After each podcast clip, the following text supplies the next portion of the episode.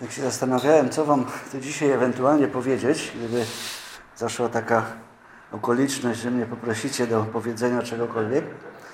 No i oczywiście przede wszystkim chciałbym podziękować Wam za modlitwy, y, które zostały wysłuchane, jak widzicie.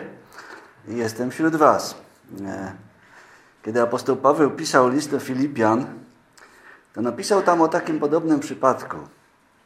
Nie wiem, czy kojarzycie w drugim, e, w liście do Filipian, w drugim rozdziale, apostoł Paweł pisze o swoim współpracowniku, który napis, nazywał się Epafrodyt i y, pisze tutaj tak, bo zaiste tęsknił do was wszystkich i bardzo się smucił, dlatego że słyszeliście, iż zachorował. Bo rzeczywiście chorował tak, że bliski był śmierci, ale Bóg zmiłował się nad nim, a nie tylko nad nim, lecz nade mną, abym nie miał smutku za smutkiem. A więc takie przypadki y, zdarzają się i one potwierdzają Bożą moc. Y, ponieważ Pan Bóg nasz może wszystko, y, dlatego nazywa się Wszechmogący między innymi, ponieważ żadna rzecz nie jest niemożliwa dla naszego Boga. I kiedy wierzący ludzie się modlą, to Pan Bóg potrafi bardzo dużo zmienić i bardzo dużo zrobić rzeczy, e, które ludziom by się po prostu wydawały niemożliwe. E, kiedy wyszedłem, kiedy byłem w szpitalu 40 dni, z tego 30 prawie na Ojomie, to z tego oddziału, na którym ja byłem, nikt nie wyszedł żywy. Z tego drugiego oddziału, gdzie też tam było chyba 7 czy 8 łóżek, Wyszła jedna, y, jedna dziewczyna, dwadzieścia parę lat miała.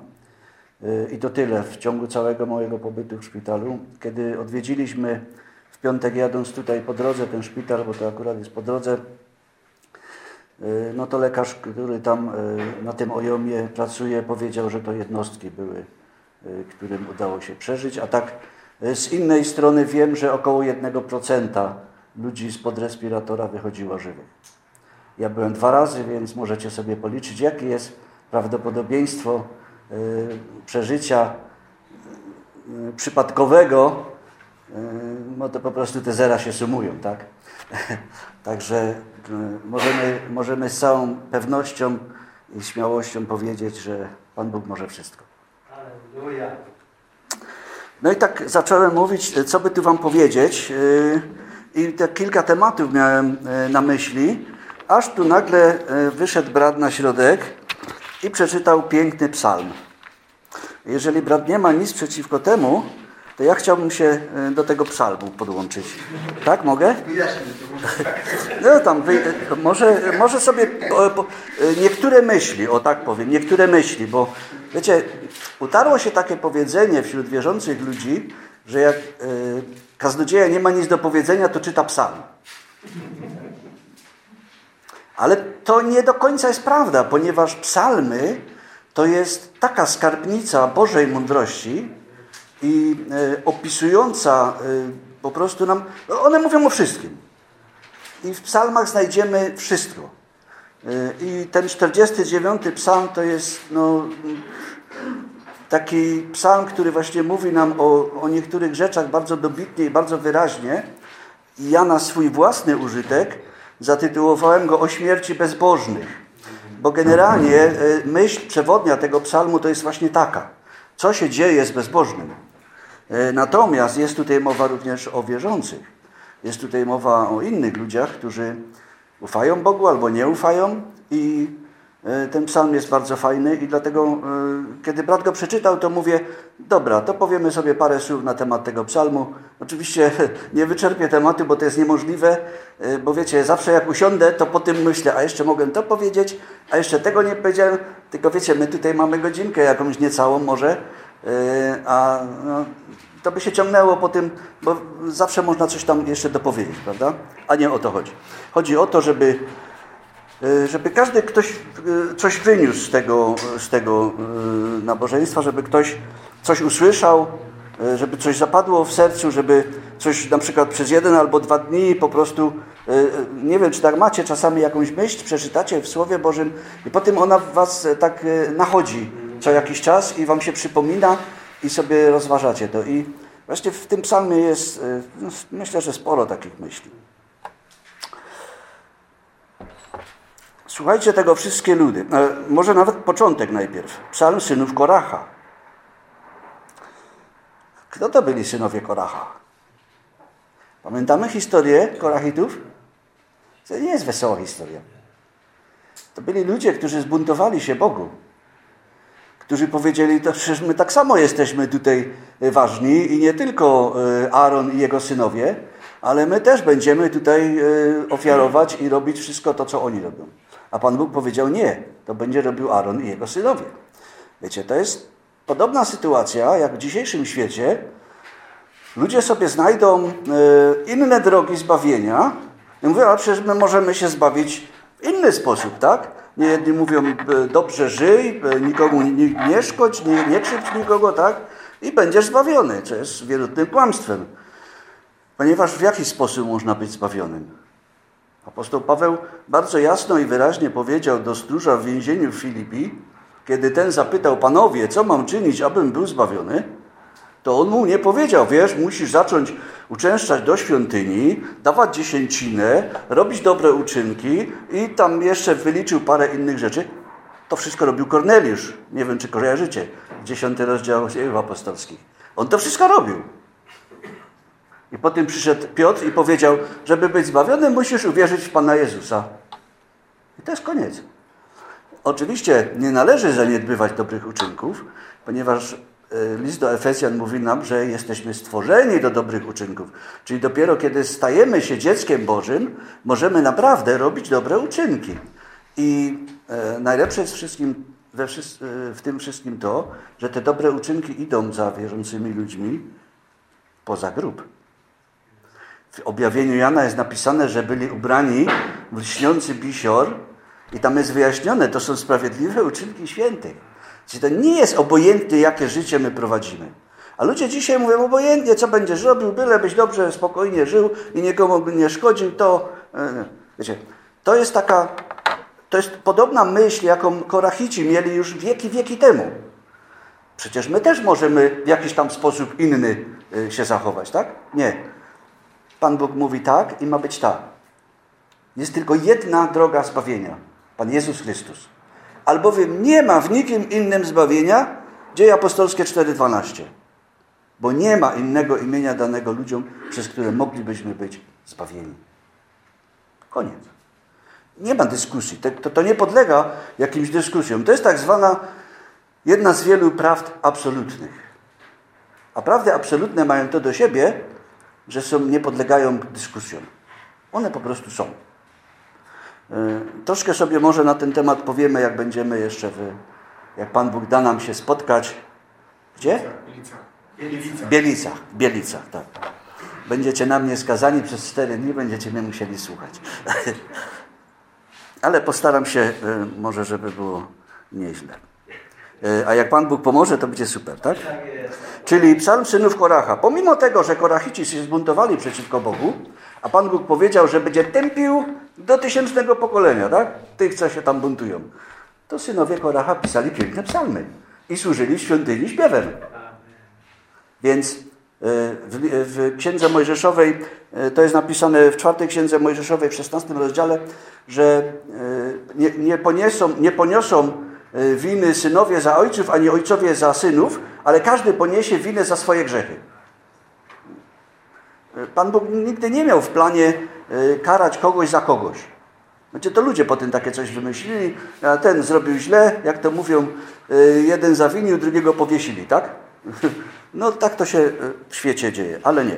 Synowie Koracha napisali piękny psalm, którego dzisiaj możemy się uczyć po wielu wiekach wielkich Bożych prawd. Dalej, słuchajcie tego wszystkie ludy. Wszyscy mieszkańcy świata, zarówno wy, synowie ludu, jak wy, synowie możnych, bogaty, jak i ubogi. Kto może czytać Słowo Boże? Każdy. Każdy. Dzisiaj znowu są tacy ludzie, którzy próbują nam powiedzieć, a ty nie jesteś specjalistą, to ty nie wiesz. Ty, się nie, ty nie studiowałeś, ty się nie szkoliłeś, to ty nie możesz nic powiedzieć. Nie, to nie jest tak. Jeżeli czytamy Boże Słowo, to Pan Bóg e, swoim duchem nas oświeca i ten duch powoduje, że to Słowo do nas przemawia. Inaczej nie da się tego zrobić. Jeżeli nie ma ducha, który to powoduje, to to Słowo jest dla nas głupstwem. I tak jest napisane w Słowie Bożym, że ci, którzy żyją na modłę światową, uważają Słowo Boże za głupstwo. I po prostu odrzucają je. A apostoł Paweł napisał, że do duchowych spraw trzeba przykładać duchową miarę. To, tego się nie da inaczej mierzyć. Y, I, I to jest bardzo ważne. Każdy może czytać Boże Słowo. Co więcej powiem, każdy może się dzielić Bożym Słowem. I na tym polega, y, na tym polegają zbory tak zwane braterskie. Y, czyli zbory, w których wszyscy są braćmi. Nie ma hierarchii kościelnej, tak?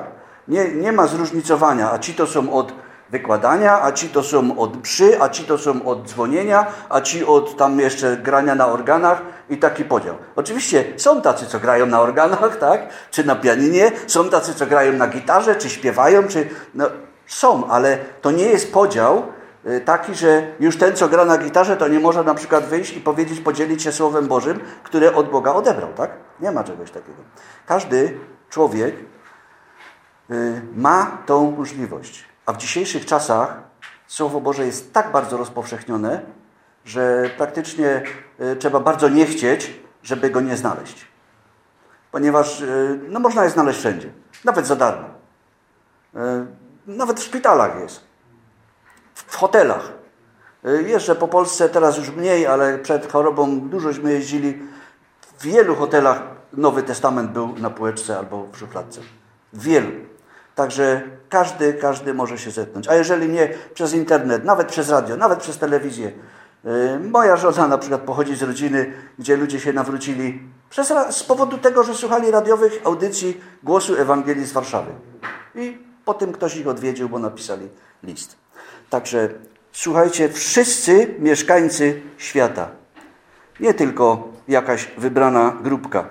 E, była taka grupa za czasów Pana Jezusa, oni tu już byli wspomnieni. Oni uzurpowali sobie prawo właśnie do tego, że tylko oni, że tylko oni mogą e, to czy tamto, że oni są najważniejsi, że oni e, tylko mogą stanowić jakieś tam, jakiś tam trzon, że tak powiem, tych, tych prawdziwych nauczycieli. Nie. Pan Jezus powiedział, nie, nauczy, nie nazywajcie nikogo nauczycielem, tak? Ja jestem waszym nauczycielem, nie, nie ktoś tam. E, a skoro Pan Jezus jest naszym nauczycielem, to On nas uczy przez swoje słowo. A więc wszyscy ludzie mogą i powinni to słowo czytać i tym słowem się karmić. Czemu mam się bać? Ja nie będę mówił wszystkich wierszy po kolei, tylko takie niektóre myśli, które tutaj mi się nasuwają. Czemu mam się bać w dniach złych, gdy osacza mnie złość moich napastników? W jednym z tłumaczeń znalazłem zdrajców. Można to odnieść również do Pana Jezusa. Pan Jezus w swoim gronie miał zdrajcę. I on o tym wiedział. I on się do tego nie przyznał. I Pan Jezus, e, kiedy wybrał tego człowieka, dokładnie wiedział, co jest jego słabością. I dlatego powierzył mu kasę. Wiecie, dzisiaj to by ktoś powiedział, że postawił lisa e, pilnować kurnika, tak? Tak mniej więcej. Dał kasę Judaszowi, a jest napisane, że on lubił pieniążki i on sprzeniewierzał z, tej, z tych pieniędzy, które oni mieli. On kradł, bo, bo on, to, to była jego słabość. On lubiał pieniądze. I potem szatan postawił na to. Bo wiecie, z tej kasy on tam nie mógł dużo wziąć. Y, w pewnym momencie jest napisane, że za 200 denarów nie nakupimy. Czyli mogli tyle mieć mniej więcej, tak? Że musieliby iść wydać wszystko, a i tak nie będzie, nie starczy chleba dla tych ludzi, których będą karmić, tak? Y, no więc on tam mógł, wiecie, parę groszy sobie wyciągnąć. Ale po tym, kiedy dostał troszkę więcej kasy, jakieś 120 denarów około, to, y, to było, denar to była dzienna stawka za pracę w winnicy około. Więc dostał trochę pieniążków. To też nie było dużo, wiecie. Ale jemu się wydawało, o. No i co? I potem się spostrzegł, że to, co zrobił, to wcale nie było dobre. I potem poszedł, i to jest opisana pierwsza spowiedź w, w Biblii. Poszedł do kapłanów i się wyspowiadał, tak? I kapłani co zrobili? Kapłani mu powiedzieli, wiesz co, tak właściwie to nas to nie interesuje, co ty tam robisz. Do dzisiaj się nic nie zmieniło. Oni, tylko, że oni tak nie mówią w tej chwili. Oni w tej chwili mówią inaczej, ale nic się nie zmieniło. Bo oni nie mają takiej mocy, żeby cokolwiek zmienić w życiu człowieka, tak? Kto ma taką moc? Pan Jezus, kiedy odchodził z tej ziemi, powiedział: Dana mi jest wszelka moc na niebie i na ziemi. I jedynie On ma moc odpuścić nasze grzechy. Nie ma czegoś takiego, nikt nie ma czegoś takiego, czym mógłby odpuścić nasze grzechy. Jedynie Pan Jezus ma tę moc. I to jest coś wspaniałego, że do takiego Pana Jezusa możemy się w każdej chwili zwracać. I wiecie, co jest najlepsze? Że On zawsze słyszy.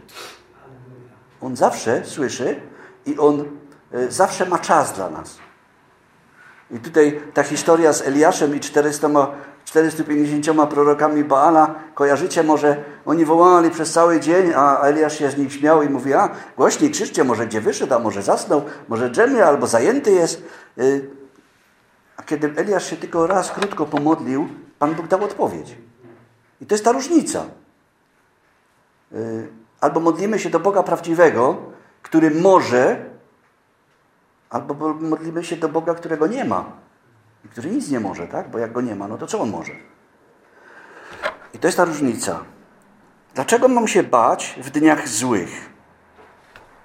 Psalm 34, wiersz 8 mówi nam taką rzecz. Anioł pański zakłada obóz wokół tych, którzy się go boją i ratuje ich. Więc skoro anioł pański zakłada obóz wokół tych, którzy boją się Pana, to dlaczego my mamy się bać ludzi? Zresztą Pan Jezus e, kiedyś powiedział, nie bójcie się tych, którzy mogą was zabić. Tak mówiąc innymi słowy. Nie bójcie się tych, którzy mogą was zabić. Bo oni mogą tylko was zabić. Oni wam nie mogą nic więcej zrobić. Ale bójcie się raczej Boga. Y, tam, ja to teraz y, mówię swoimi słowami. Bójcie się raczej Boga, bo Bóg ma wszelką moc i On może i uratować, i zniszczyć. I y, to widzimy, kiedy czytamy Słowo Boże. Widzimy tą Jego wielką, wielką moc. A w 56 psalmie, w 12 wierszu Bogu ufam, nie lękam się. Cóż mi może uczynić człowiek? Jest wiele takich tekstów w psalmach. Wiele. Które mówią o tym, że kiedy zaufamy Panu, to strach przed ludźmi znika. Kiedy Mojżesz rozmawiał z Bogiem w krzaku yy, palącym się, to z postawy Mojżesza wynika jedna bardzo ważna nauka dla nas. On się bardziej bał faraona niż Boga. I on dyskutował z Bogiem, że nie pójdzie do faraona. A Pan Bóg mu mówi: No ale idź, ja cię wyposażę we wszystko, co trzeba, tak? A on mówi: No ale ja się nie nadaję. A ja się jąkam, tak? Ja nie jestem wprawny w mówieniu. I takie tam różne wykręty, nie? A on mówi: Ale idź. I to pokazuje nam, że Pan Bóg nie zawsze wybiera e, tego, kogo byśmy wybrali, tak? Kiedy wybierano króla, pierwszego króla Izraela, to kogo wybrali? Wybrali Saula. On był postawny, on był o głowę wyższy niż wszyscy, y, prezentował się dobrze. A kiedy wybierali drugiego króla, to kogo wybrali? Wszystkich synów Isajego, tak? Przyprowadzili wszystkich, po kolei. I co? A prorok pyta, no ale to wszyscy, już nie ma nikogo. Nie, no wiesz, jest tam jeszcze, ale to on tam pasie owce, on się do niczego nie nadaje. No to przyprowadźcie go. No i jak go przyprowadzili, to mówi, a to jest ten. Ten będzie królem w Izraelu. Y, kiedy my patrzymy na coś, to mówi, a to, to tak, to, mm, to się nadaje. Albo ten to, temu to nie ma co, bo to on się nie nadaje, tak? Y, nie, no nie możemy tak patrzeć. I dlatego w Słowie Bożym jest napisane, że człowiek patrzy na to, co jest zewnętrzne, a Pan Bóg patrzy na serce. Bo Pan Bóg wie wszystko. Y, jak to ktoś kiedyś powiedział, Pan Bóg widzi wszystko z każdej strony. My czasami rozpatrujemy jakąś rzecz, a może tak, a może z tej, a może z tej, a Pan Bóg zawsze widzi wszystko naraz. I On wie najlepiej. Nam się czasami wydaje co innego, tak żeśmy dzisiaj z Tomkiem e, przed, przed e, e, chwilą rozmawiali, a Pan Bóg wybiera inne drogi dla swojej chwały, bo to jest dla Jego chwały. On potrafi uzyskać swoją chwałę z wszystkiego. Więc dlaczego mam się bać? Dlaczego mam się bać zdrajców? Dlaczego mam się bać tych, którzy otaczają mnie i osaczają, czyli osaczają, czyli nie mam wyjścia, tak? Już, no już muszę się poddać, bo już nie mam wyjścia. I to, yy, to bardzo często diabeł pokazuje nam taką sytuację. Widzisz, teraz już nie ma wyjścia, już musi być tak i tak. Nie, jeszcze jest jedno wyjście, to jest Pan Bóg. Kiedyś Napoleona spytali, co by zrobił, gdyby yy, okazało się, że na polu walki Y, no, został otoczony i z wszystkich stron nacierają y, wrogowie, tak? I po prostu nie ma już wyjścia. Jaką wydałby komendę? I on powiedział, do modlitwy. Więc y, to jest ostatnia jakby droga, ostatnie wyjście i czasami najlepsze. I powinno zawsze być na początku. Ale wiecie, my jako ludzie zawsze próbujemy własnymi siłami coś osiągnąć, a potem dopiero próbujemy y, uzyskać coś u naszego Pana. Ale Słowo Boże mówi nam, abyśmy się nie bali. Zresztą Pan Jezus gdziekolwiek się pojawiał, to bardzo często mówił nie bójcie się.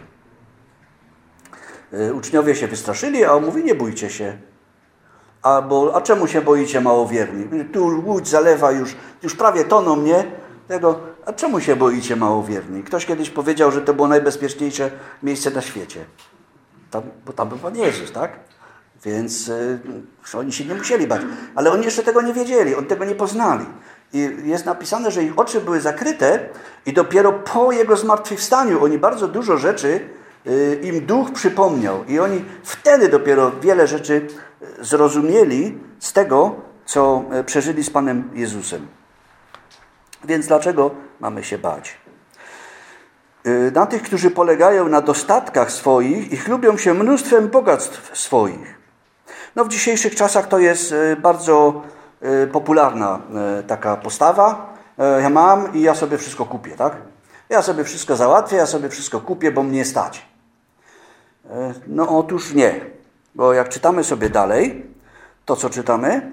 Przecież brata żadnym sposobem nie wykupi człowiek, ani też nie da Bogu za niego okupu, bo okup za duszę jest zbyt drogi i nie wystarczy nigdy, by mógł żyć dalej na zawsze i nie oglądał grobu. Dzisiaj ludzie daliby wiele, wiele, wiele pieniędzy i wszystkiego, co mają, żeby przedłużyć sobie życie o jeden dzień.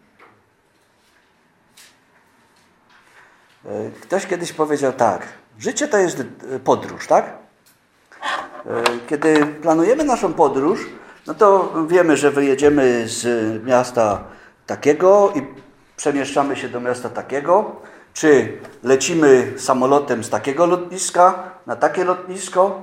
No i teraz wyobraźmy sobie, że tym samolotem sobie lecimy, tak, ta podróż trwa, to nasze życie i nagle pilot zaczyna yy, krążyć, gdzieś tam sobie poleci na bok, potem w drugą stronę. My patrzymy na zegarek, już powinniśmy być na lotnisku, a on sobie lata, tak? No to jest bez sensu, tak? I czasami ludzie w taki sposób podchodzą do życia. To jest bez sensu być tu jeszcze jeden dzień dłużej, tak? Schorowany, leży w łóżku, cierpi, ale jeszcze jeden dzień. A nie lepiej po prostu przenieść się do Pana Jezusa? Kiedy umarł e, Łazarz, kojarzymy bogacz i Łazarz, tak? Kiedy umarł Łazarz, to co się stało? Jak, jak umarł bogacz, to co się stało? To go pochowali. A jak umarł Łazarz, to go aniołowie zabrali i zanieśli do nieba, tak? To w skrócie oczywiście myślowym teraz mówię, bo y, na to oczekujemy, tak? Nasza ojczyzna jest w niebie, skąd oczekujemy naszego Zbawiciela. I na to czekamy. To jest, to jest e, nasze oczekiwanie. Dzisiaj Kościół czeka na, na antychrysta. Kto będzie antychrystem? Na wielki ucisk. Jak też będzie w tym wielkim ucisku? Na różne dziwne rzeczy. Nie. Kościół czeka na przyjście Pana Jezusa. Kościół czeka, aż przyjdzie Pan Jezus i go zabierze. Co mnie obchodzi antychryst albo ucisk wielki? Ja nie chcę tego. Ja chcę do Pana Jezusa, tak? I oczekujemy na Jego przyjście. A tutaj jest napisane, że człowiek chciałby żyć dalej. Chciałby zapłacić i żyć dalej. Ale tutaj jest również mowa o okupie za duszę. Pan Bóg się pyta, co mi chcecie dać? Co mi dacie? Y, skoro wszystko jest moje. I srebro, i złoto, i lasy Libanu, i zwierzęta w Libanie. I wszystko jest moje. Co wy mi chcecie dać? Co mi chcecie ofiarować? Jedyne, co my możemy ofiarować Bogu, to jest nasze serce. To jesteśmy my sami. I apostoł Paweł pisał o tym, że Macedończycy byli tacy, że oni się ofiarowali Bogu najpierw sami, a potem y, Pawłowi na służbę, kiedy pisał list do Koryntian. I to jest, y, y, to jest właśnie to, że my Bogu nie możemy dać nic z zewnątrz, ale możemy Mu siebie ofer zaoferować. I kiedy On nas weźmie, to wtedy On nas zmienia. I On nas prowadzi. I wtedy Jemu podlegamy. I to jest fajne. A ten okup za duszę, wiecie, to został zapłacony. Kiedy czytamy list Piotra, to tam jest napisane, że nie srebrem i złotem wykupił nas z naszych grzechów, ale drogocenną krwią Pana Jezusa Chrystusa, naszego Zbawiciela. I dzisiaj czytaliśmy z tego listu do Kolosan, że y, jesteśmy, y, ja to przeczytam, żebym nie pokręcił.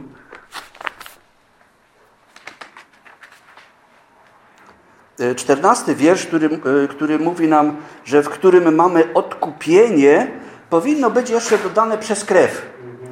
Tego w tych tłumaczeniach niektórych nie ma. Nie wiem, dlaczego to pominęli. To jest główna myśl przecież yy, tego naszego zbawienia. Bo my jesteśmy zbawieni przez krew. Jeżeli możecie, to sobie tam dopiszcie. W którym mamy odkupienie przez krew, odpuszczenie grzechów. Bo tylko w taki sposób możemy mieć odpuszczenie grzechów. Przez krew Pana Jezusa. On zapłacił. Kiedy wisiał na krzyżu, kiedy jest napisane, zobaczył, że już się wszystko wykonało, to co powiedział? Zapłacone. To jest termin księgowy. To jest termin, którego używa się właśnie w księgowości. Winien i ma. I zapłacone, tak? Nie, nie jest winien. Skreślone. I dlatego jest napisane, że on wymazał obciążający nas list dłużny, który się zwracał przeciwko nam ze swoimi żądaniami, przybiwszy go do krzyża. On swoją krwią za to zapłacił. I to już jest zapłacone. I teraz możemy przyjść i zabrać. Możemy to wziąć za darmo. To nie jest za darmo. To jest zapłacone bardzo wysoką ceną. To jest najwyższa cena we wszechświecie. Wiecie, ludzie mówią, jakie tam są najdroższe, wiecie, pierwiastki, jakieś coś. Gdzieś kombinują, że teoretycznie jest pierwiastek, który można by uzyskać, gdyby zderzyć w zderzaczu hadronów gdzieś tam jakieś coś i tam będzie iskierka i to będzie najdroższe. Guzik, prawda? Najdroższa jest krew Pana Jezusa Chrystusa, bo ona płaci za wszystkie grzechy wszystkich ludzi na całym świecie. I każdy człowiek może z tego skorzystać. Ale wiecie, są tacy ludzie, którzy się upierają i przychodzą do tego sklepu ze zbawieniem i wyciągają kasę i mówią, to ja zapłacę. Ale cię nie stać. Ale to chociaż trochę. No bez sensu, tak? Kiedy, e, kiedy e, sługa był winien 10 tysięcy talentów, kojarzymy tą historię, ona jest opisana w Nowym Testamencie, 10 tysięcy talentów. Wiecie, to w przybliżeniu jest e, wartość pracy 10, 10, 16 tysięcy ludzi przez 10 lat. To jest ogromna suma. Talent to jest około 30 kg złota. W zależności od tego, e, jaka to była miara, to było albo 27, albo 33. E, no, Około 30 liczę. No to sobie policzcie. To jest coś, czego nie da się zapłacić. I co dostaję? To ja ci to anuluję. To ja ci to umorzę. Wiecie, i on nie padł tam na kolana przed tym panem i mówi, dobra, ale ja ci będę po trochu spłacał, tak? No i co mi z tego, że mi będziesz spłacał po 100 denarów, tak? No co z tego? Jak i tak dług pozostanie y, niespłacony. Y, ten dług jest już zapłacony. I to zapłacił Pan Jezus Chrystus. I to jest wspaniałe. Pierwszy list Piotra, 18-19 wiersz. To jest krew baranka, drogocenna krew naszego Pana Jezusa Chrystusa, Zbawiciela.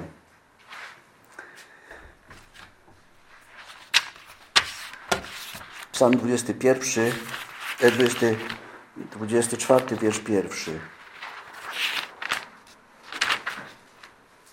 Pańska jest ziemia i to, co ją napełnia. Świat i ci, którzy na nim mieszkają. On ją założył i tak dalej.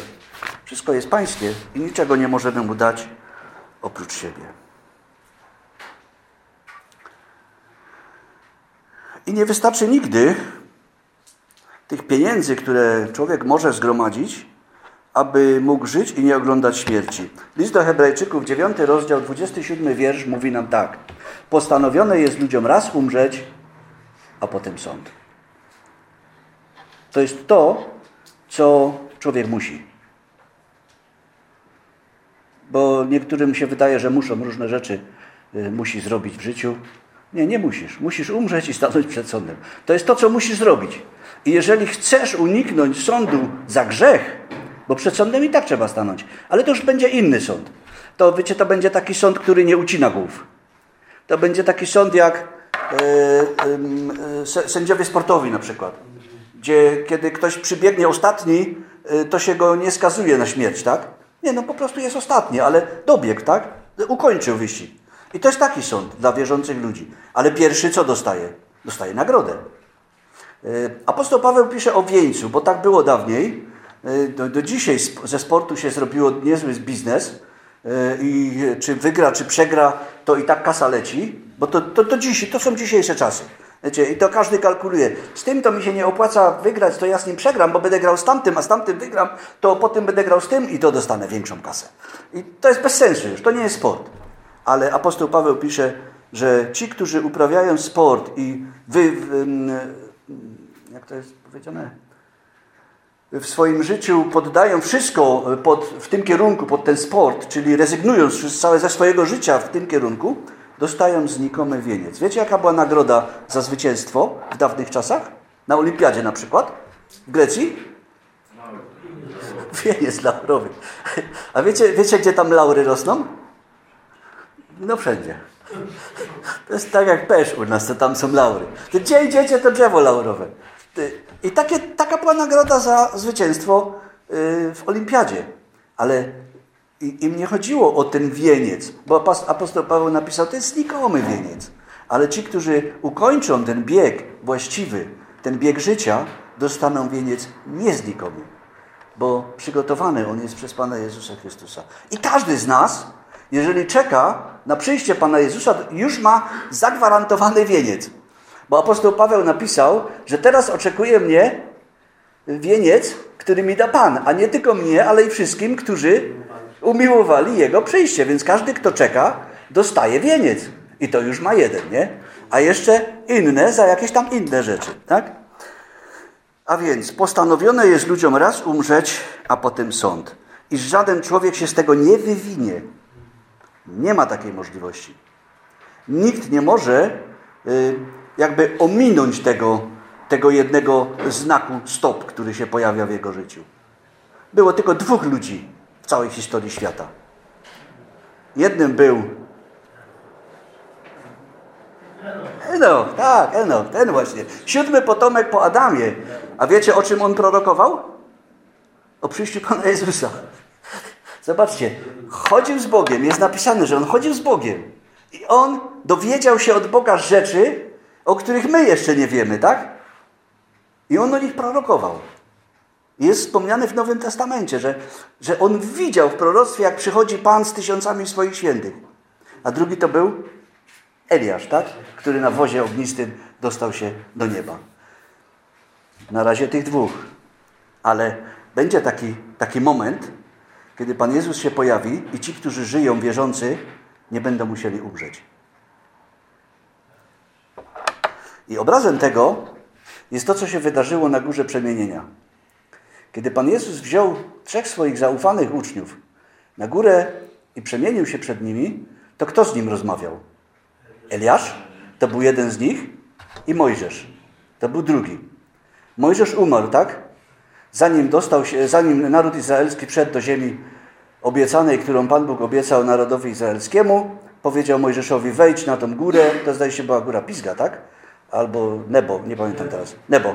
E, I e, zobacz tą ziemię, bo ja dam ją narodowi, ale ty tam nie wejdziesz.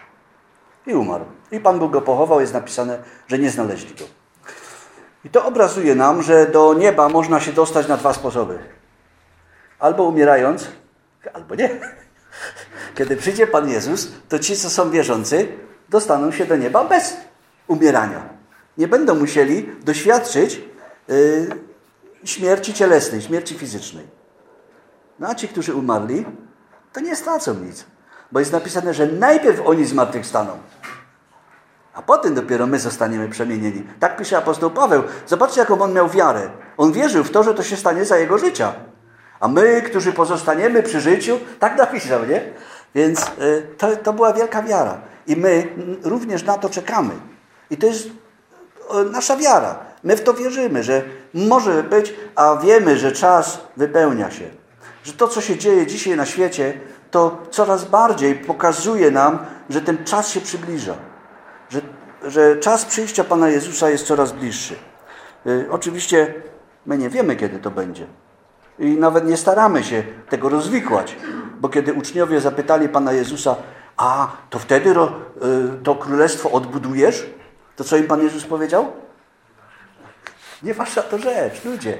Czym wy się zajmujecie? Wy się tym nie zajmujcie. Wy się zajmujcie czym innym. Idźcie i opowiadajcie Ewangelię, tak? A ja przyjdę, kiedy kiedy będzie trzeba. E, nie wasza to rzecz na czasy i chwile, które Ojciec w mocy swojej ustanowił. To Bóg ma w swojej mocy i w swojej gestii. I we właściwym czasie, właśnie to było to, co e, mogłem mówić inne o czasie, o tym, co się, co się dzieje we właściwym czasie. Kiedy przyszedł Pan Jezus we właściwym czasie, tak? Może kiedyś sobie powiemy, uwierzyliśmy we właściwym czasie, przyjdzie Pan Jezus znowu we właściwym czasie. Tak w skrócie. A to możesz, nie będę musiał mówić. Dobrze, jedźmy dalej, bo czas leci. O którym my musimy skończyć? Wpół, do wpół do musimy się rozejść, tak? Dobrze, to żeby nie, prze, nie przeciągać. Zobaczę bowiem, że mądrzy umierają, głupi i prostak po pospołu giną. Czyli e, tak samo jak wszyscy ludzie mogą czytać Słowo Boże i mogą, i mogą E, dzielić się tym słowem. Na początku tego psalmu jest napisane. Tak samo wszyscy ludzie podlegają śmierci i tej śmierci nie da się przekupić. I zostawiają obcym bogactwo swoje.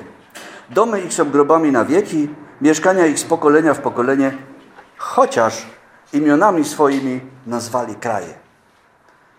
Wiecie, ludzie y, lubią być wywyższani. To jest taka nasza natura. To nie tam, że są źli ludzie, którzy lubią być wywyższani. Nie. Wszyscy ludzie lubią. E, tylko, że ludzie wierzący bardziej e, wskazują na Pana Jezusa, że to dzięki Niemu właściwie wszystko mają, tak? No bo to dzięki Niemu. A ludzie niewierzący, no ja załatwiłem, ja zrobiłem, ja zyskałem i tak dalej. No ciekawe, co byś zyskał, jakbyś był chory na przykład, tak? Jakbyś, no, coś by ci się stało, wypadek, cokolwiek i nie możesz już nic zrobić, no to co zyskasz? Nic nie zyskasz. E, ale e, właśnie ludzie e, tak się wywyższają i tu jest, chociaż imionami swoimi nazwali kraje, to i tak będą musieli umrzeć. Nic im to nie pomoże. I człowiek, chociaż żyje w przepychu, nie ostoi się. Podobny jest do bydląt, które giną. Taka jest droga tych, którzy żyją w błędnej pewności siebie i taki koniec tych, którym własna mowa się podoba. Tutaj jest pokazana pycha i arogancja człowieka. Ci, którym się podoba ich własna mowa, którzy są pewni. Tylko tutaj jest napisane błędna pewność siebie. Trzeba zginąć. Y, każdy musi umrzeć i stanąć przed sądem. I dlatego tak bardzo propagowana dzisiaj jest y, y, nauka, nauka, teoria ewolucji. Ona jest po prostu uważana już za fakt i tak w podręcznikach znajdziemy. Ewolucja to fakt, tak?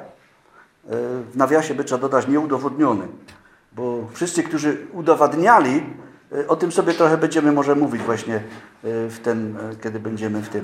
Wszyscy, którzy udowadniali, udowodnili, że tego się nie da udowodnić. Że, to, że tego się nie da zrobić po prostu. I to jest niemożliwe. Wszyscy i, i właśnie dlatego to jest tak propagowane. Dlaczego? Bo nie ma Boga, tak?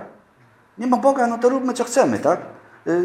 Żyjmy sobie jak chcemy, bo i tak pomrzemy i, i nic z tego nie wynika, tak? Nie do końca. Tutaj jest napisane podobni są do bydląt. Wiecie, czasami, ja, no teraz to już mniej, bo to już denerwuje mnie to. Czasami jeszcze kiedyś, jak y, jakieś parę lat temu wchodziłem na jakieś forum, tam dyskusje różne były i ludzie tam mówili, tak, ale w świecie zwierząt to się dzieją takie rzeczy, to my też tak będziemy. No to teraz pytanie, to żyjesz w chlewiku, w, nie wiem, w oborze, czy w jakiejś jamie dzisiaj, skoro porównujesz się do zwierzęcia, tak? No to, że jak zwierzę? I nie, nie, nie sać się, że jesteś człowiekiem, a, a będziesz robił tak jak zwierzę, tak? Skoro jesteś człowiekiem, Pan Bóg Cię wyposażył w pewne mechanizmy, dał Ci rozum, dał Ci mózg większy niż każde zwierzę i żyj jak, to jak, jak człowiek y, i, według tych mechanizmów, które Pan Bóg Cię y, wyposażył, tak? I tutaj dlatego jest powiedziane, podobni są do bydląt, do zwierząt, czyli tak żyją i tak umierają, bez Boga w błędnej pewności siebie. E, mowa e, im się podoba, czyli są pyszni arogancji, aroganccy. To jest to, co drugi psalm o tym mówi. Zrzućmy z siebie ich pęta. Tak? Po co mamy słuchać Boga? Po co mamy poddawać się pod Jego jarzmo? Zróbmy sobie po swojemu, tak? Po tym na ten temat powstała pieśń, wyklęty powstań ludu ziemi, tak? Zrzućmy z siebie jarzmo, nikt nie będzie nam rozkazywał, my będziemy tutaj rządzić i, i będziemy najważniejsi, tak? A jeszcze w międzyczasie była wieża Babel i parę innych rzeczy, yy, które się tam ludziom przytrafiły i nie wyciągnęli z tego żadnych wniosków, bo wszystko się nie udało. Wszystkie te rzeczy, które ludzie sobie zaplanowali, im się nie udały. Dlaczego? Bo to Pan Bóg mieszka, miesza. I kiedy zobaczył, że robią wieżę Babel, to mówi, a zrobimy eksperyment, tak? Ja zaraz do tego dojdziemy trochę. I pozmieniajmy im troszkę tutaj w krtaniach, tak? No i oczywiście w mózgach przede wszystkim. No i, i podaj cegłę, ten go walnął młotkiem i już się nie dogadali, tak? Bo języki były nie te. I się musieli rozejść. I nie udało się wieży Babel zrobić. I tak przez całe wieki ludzie próbowali, się zjednoczyć. No i dzisiaj robią dokładnie to samo, tak? Y? To się niczym nie różni. Y? Nawet ten budynek tak troszkę przypomina jakby wieżę Babel, taką nieskończoną. Więc y, tego się nie da skończyć, bo to Pan Bóg wszystkim steruje. I teraz tutaj jest bardzo fajny piętnasty wiersz, zaznaczcie go sobie albo nauczcie się na pamięć. Pędzą jak owce do otchłani, śmierć jest pasterzem ich. Gdzie jest dwóch pasterzy opisanych w psalmach. Psalm 23 mówi nam, Pan jest pasterzem moim. A psalm 49 mówi nam, śmierć jest ich pasterzem w 15 wierszu. Y, I nie ma innego trzeciego pasterza. Więc albo idziesz z Panem i masz życie, bo Pan prowadzi cię tam, gdzie jest życie. On cię prowadzi do dobrej do dobrej paszy, do dobrej wody, do spokojnych miejsc, y, prowadzi cię do życia. I nawet choćbyś szedł doliną cienia śmierci, to jest fajne, fajne przedstawienie. U nas jest napisane ciemną doliną, tak? Ale doliną cienia śmierci. Tam nie ma śmierci. Tam jest tylko cień śmierci. A wiecie, co, co może cień? Da się cieniem coś zrobić? Nie da się nic zrobić cieniem. Cień nic nie może, ponieważ jest ktoś większy niż ten cień. Nawet jeżeli to jest cień śmierci. I to jest Psalm 23, który nam właśnie to pokazuje. Ale wielu ludzi odrzuca Pana jako pasterza. I mówi, ja nie chcę. Nie chcę, żeby On mnie prowadził. A wiecie, ten pasterz, on jest taki, że jak się zgubisz, to on cię poszuka. A jak chcesz zejść na niewłaściwą drogę, to on cię nawróci. Bo jest napisane, że on ma kij i laskę. Kij służył do odganiania dzikich zwierząt. I tutaj przykładem może być Dawid, który powiedział, że jak kiedyś e, niedźwiedź albo lis albo e, lew wychodził i porywał owce, to co on robił? Uciekał? Nie. Brał kija, gonił za nim i odbierał mu tą owcę. Czujecie to? Na lwa albo na niedźwiedzia z kijem. I taki jest nasz pasterz. On się nie boi. I on za wszelką cenę chce nas uratować. Wiecie, ale my możemy za wszelką cenę chcieć zginąć. Bo możemy iść tam, gdzie nie powinniśmy. To nie jest tak, że jak my sobie pójdziemy, gdzie chcemy, to nam nic się nie stanie. Gdzie, e, Jakub miał córkę.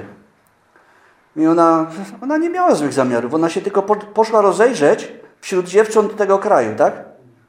No i to się źle skończyło. Dla niej się to źle skończyło, dla tego miasta się to źle skończyło, dla rodziny Jakuba się to źle skończyło. Wszyscy byli poszkodowani w tym. Ale ona tylko poszła się rozejrzeć. Wiecie, czasami wierzący człowiek mówi, a to ja tam pójdę, mnie się nic nie stanie, bo ja jestem wierzący.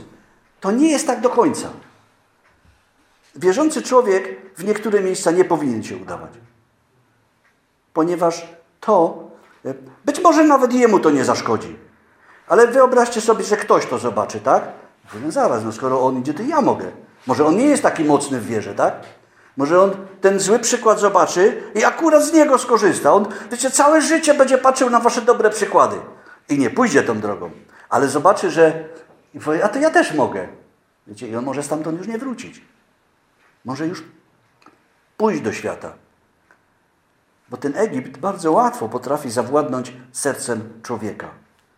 Jest łatwiej wyprowadzić człowieka z Egiptu, niż wyplenić z jego serca miłość do Egiptu. I to pokazuje nam naród izraelski, który do końca swojej wędrówki zawsze przypominał sobie Egipt. O, jak tam było fajnie. Jakie myśmy tam jedli mięso, a jakie ryby były. I czosnek, cebula, ogórki, dynie, i pory i coś tam jeszcze, tak? Wszystko było. W Egipcie, tak? A co oni robili w Egipcie? Oni w Egipcie nie mieli czasu na nic. Oni musieli tylko pracować, pracować, pracować, tak? A tutaj mają wolność. Pan Bóg ich wyprowadził. Co właściwie niczym się nie muszą zajmować. Wychodzą se rano, pozbierają se manny. Wychodzą se wieczór, pozbierają se mięso, bo Pan Bóg im tam te przepiórki zsyłał czy tam coś. I wszystko mają, tak? Ale nie, będą narzekać. I to jest właśnie taka ludzka natura. Taki przekór. Ale właśnie to, co mówię, że ta miłość do Egiptu w sercu człowieka jest bardzo, bardzo niebezpieczna. Bo on zawsze do tego wraca. I dlatego dzieci wierzących ludzi Y, są w tym szczęśliwym położeniu, że nie kosztują tego życia egipskiego w pełni, tak jak rodziny niewierzące. Y, może tego nie doceniają, ale y, to jest prawda. Nie muszą potem tęsknić za tym, co było w Egipcie. Jedźmy dalej. Ale prawi panować będą nad nimi z poranku. Zamysły ich będą unicestwione. E, to wyrażenie e, z poranku oznacza nowy dzień i oznacza to również, może to również oznaczać dzień odpłaty, dzień zapłaty. Kiedy przyjdzie dzień sądu, kiedy przyjdzie dzień rozliczania, to wtedy okaże się, kto e, odbiera zapłatę i jaką zapłatę za to, co w życiu zdziałało. O tym apostoł Paweł również pisze, ale on pisze o wierzących ludziach. Nie, nie mylmy tego. Tu jest mowa o bezbożnych, tak? o niewierzących ludziach. Y, o tych, którzy, którzy y, Bogu nie zaufali. Y, czyli mm, śmierć jest ich pasterzem, nadejdzie dzień zapłaty, tak? I okaże się, że ci, którzy, którymi oni pogardzali, y, otrzymują nagrodę i to jest dokładnie to samo, co opowiedział Pan Jezus w historii o bogaczu i łazarzu. Y, to jest, to jest ten sam mniej więcej model, kiedy człowiek na ziemi y, pogardzał łazarzem, a potem się okazało, że, no, że stracił, że stracił swoją duszę, tak? Że tego się już nie da naprawić. Tam jest przepaść, tego się nie da przejść. Wiecie, ludzie, którzy próbują nam dzisiaj wmówić, że po śmierci można coś naprawić, y, to kłamią, po prostu kłamią. To jest bezczelne kłamstwo. Y, nie da się po śmierci niczego naprawić. Nie da się niczego zmienić. Y, a, a, nasz wiersz narodowy Adam Mickiewicz napisał taki krótki wierszyk. Gdzie kto po śmierci będzie, za życia odgadnie. Gdzie się za życia skłaniał, tam po śmierci wpadnie. I to obrazuje nam, że tego się potem już nie da odwrócić. Jeżeli y, przekroczymy tą granicę, czyli śmierć, to zostajemy już w takim stanie, w jakim byliśmy. Do momentu śmierci jest tak zwany dzień zbawienia. Jest tak zwany y, dzień nawiedzenia nawet. Pan Jezus ubolewał nad miastem, to jest drugi temat, o którym dzisiaj mogę mówić, o dniu nawiedzenia, y, nad miastem, które nie poznało dnia nawiedzenia. Dzień nawiedzenia nie trwa wiecznie. Dzień nawiedzenia się kiedyś kończy. A wiecie, co przychodzi potem? Potem przychodzi sąd. I sąd Boży jest kategoryczny, nieodwołalny i nie da się tego już zmienić. I tak, o takich sądach czytamy w Starym Testamencie na przykład, kiedy Sodoma, e, najpierw potop był, kiedy Noe budował arkę, to jest jeden z takich przykładów. Potem Sodoma, Gomora, a potem wiele innych miejsc, gdzie Pan Bóg, e, na przykład do Niniwy Pan Bóg posłał e, proroka i co? I się Niniwa nawróciła. Prorok tam za żadne skarby nie chciał iść. I on uciekał. Bo on, po pierwsze, to byli wrogowie Izraela. To musimy pamiętać o tym. Po drugie, to było daleko, bo to było jakieś tysiąc kilometrów trzeba było iść. Pomyślał, ludzie, ja będę szedł tysiąc kilometrów, Pójdę tam do nich, a oni mnie na przykład zabiją. Albo pójdę, będę im mówił, a oni i tak nie uwierzą, bo to są y, poganie, to są wrogowie. Ale w końcu poszedł, tak? I był tak wściekły na Boga. Zagniewany na śmierć. Ja wolę umrzeć, Panie Boże. A Pan mówi, ale co, o co ty się gniewasz, że ja jestem łaskawy? To ty się wściekasz? A ty robiłeś tu koło tego krzaczka, który ci uschnął? No, pamiętamy, tam ten krzaczek był... Yy, a tam czy jakiś tam. Yy, który uschnął, tak robaczek przyszedł, podgryzł go i on się bardzo gniewał. A Pan Bóg mówi, a ja miałbym się nie zlitować nad tym wielkim miastem? Pan Bóg jest yy, litościwy, Pan Bóg jest miłosierny, Pan Bóg kocha ludzi, ale do pewnego momentu to się dzieje. E, w liście do Tymoteusza jest napisane, że ci, którzy nie uwierzyli miłości prawdy, która mogła ich zbawić, to tych Bóg, na nich Bóg zsyła ostry obłęd, tak i zwierzą kłamstwu. Już Pan Bóg ich zostawia już. Pan, dlaczego? Bo Pan Bóg wie, że oni nie chcą. Że oni po prostu stają okoniem i nie chcą. I to ich zostawia samych sobie. Ten dzień nawiedzenia się pewnego razu kończy i, i ludzie zostają z tym, co mają. Otchłań będzie ich mieszkaniem. Zamysły ich będą unicestwione. Lecz Bóg wyzwoli duszę moją z krainy umarłych. I tu jest fajny fragment, zaznaczcie to sobie. Ponieważ weźmie mnie do siebie. Zobaczcie, psalmista na pff, nie wiem ile tam wieków, jakieś siedem, sześć przed, przed yy, Panem Jezusem, mówi weźmie mnie do siebie. On już to wiedział. Wyrwie moją duszę, nawet jak umrę, to On mnie stamtąd zabierze i będę u Niego.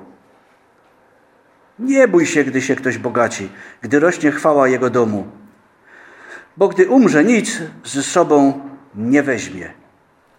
Był taki mądry człowiek, on się nazywał Job, to jest poprzednia księga i gdybyśmy otwarli sobie pierwszy rozdział,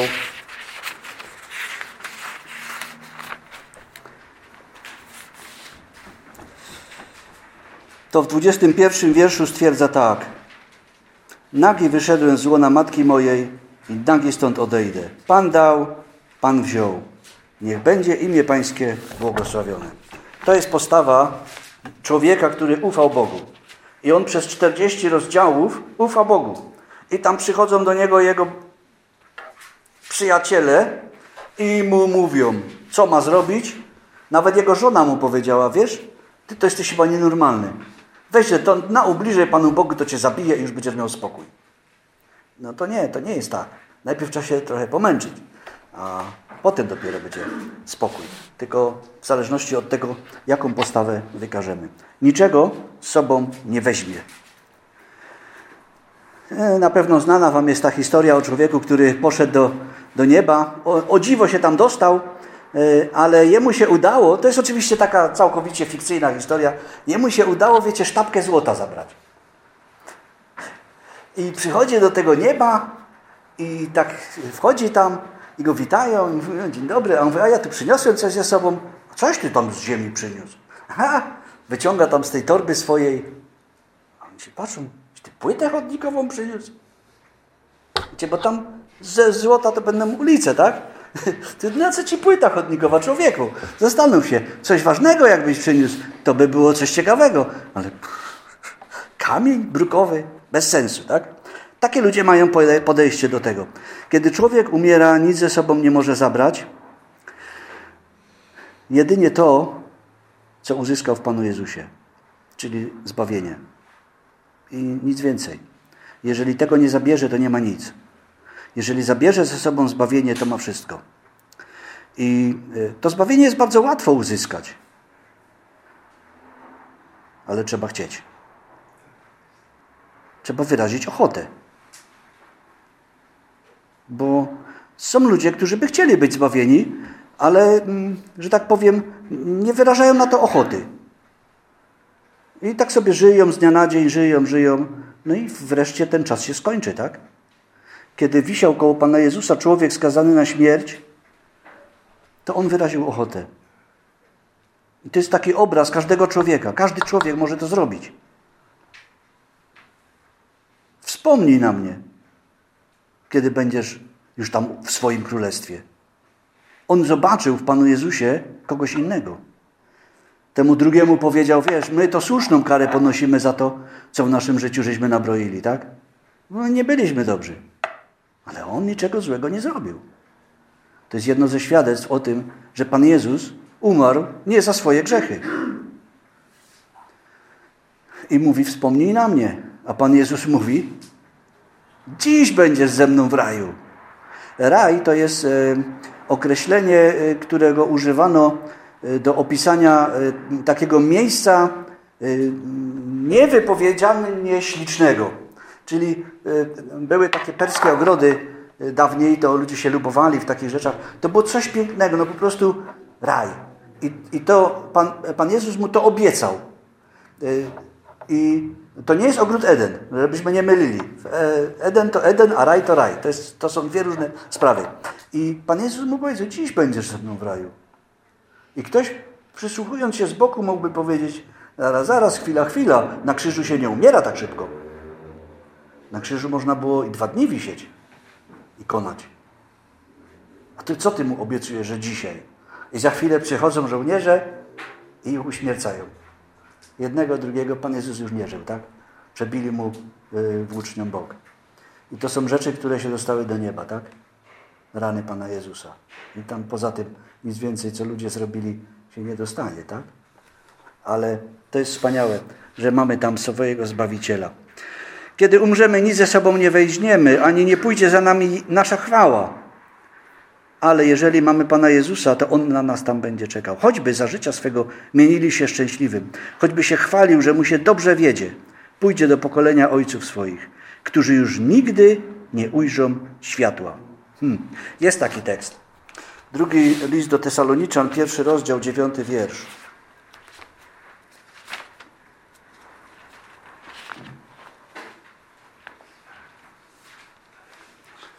Poniosą oni karę Zatracenie wieczne, oddalenie od oblicza Pana i od mocy chwały Jego.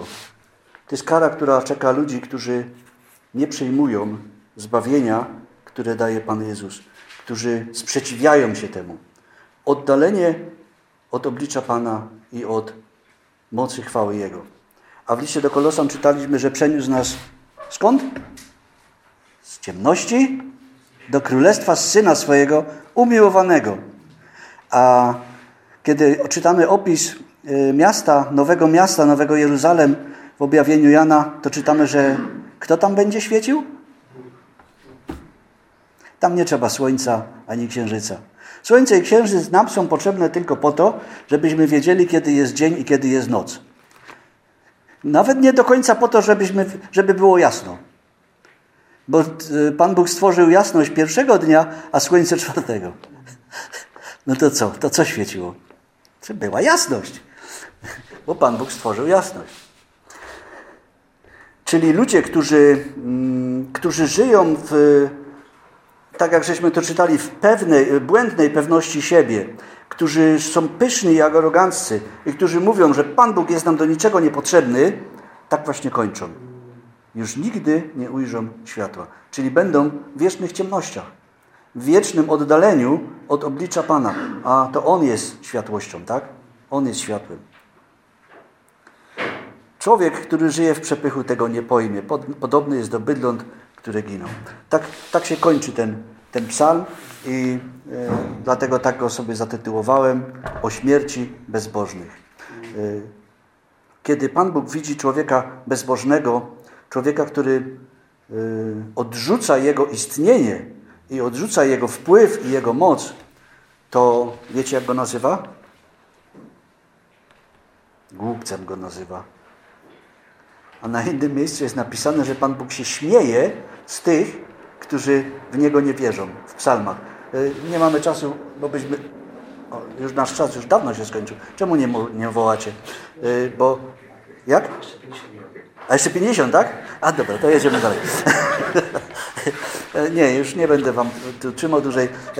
Dwa psalmy są, które zaczynają się tak samo. Głupi rzekł w sercu swoim, nie ma Boga. Te psalmy są bardzo podobne, one się różnią tylko kilkoma e, e, słowami właściwie. E, to jest 14 i zdaje się 52 albo coś takiego. I Pan Bóg pokazuje tam, że człowiek, który odrzuca Jego istnienie, który odrzuca Jego wpływ i Jego moc, jest właśnie głupi. Ponieważ nie potrafi zrozumieć prostej rzeczy. Bo to, co apostoł Paweł napisał w pierwszym rozdziale listu do Rzymian, to, co o Bogu wiedzieć można, jest dla nich jawne, ponieważ tą moc Jego można oglądać poprzez Jego dzieła od stworzenia świata. List do Rzymian, pierwszy rozdział. I ludzie, którzy to odrzucają, to są ludzie, którzy przez nieprawość, tam jest napisane, tłumią prawdę. Czyli którzy idą drogą fałszywą. Drogą, którą wyznaczył im e, ojciec kłamstwa, czyli Boży przeciwnik, szatan. Ale chcemy dziękować Bogu, że on nas znalazł, bo tak żeśmy też rozmawiali przed, przed y, tym, tą usługą, to nie myśmy go znaleźli. Nie. On nas znalazł. On nas szukał. Y, Piotr napisał w swoim liście, że to myśmy go, nie, nie, nie myśmy, Jan napisał w swoim liście, że nie myśmy go ukochali, ale on nas ukochał. I on nas znalazł. I on dał swojego syna. Gdzie on wszystko roz, zapoczątkował.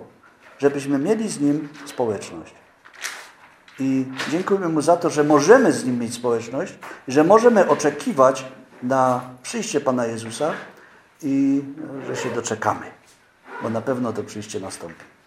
Amen.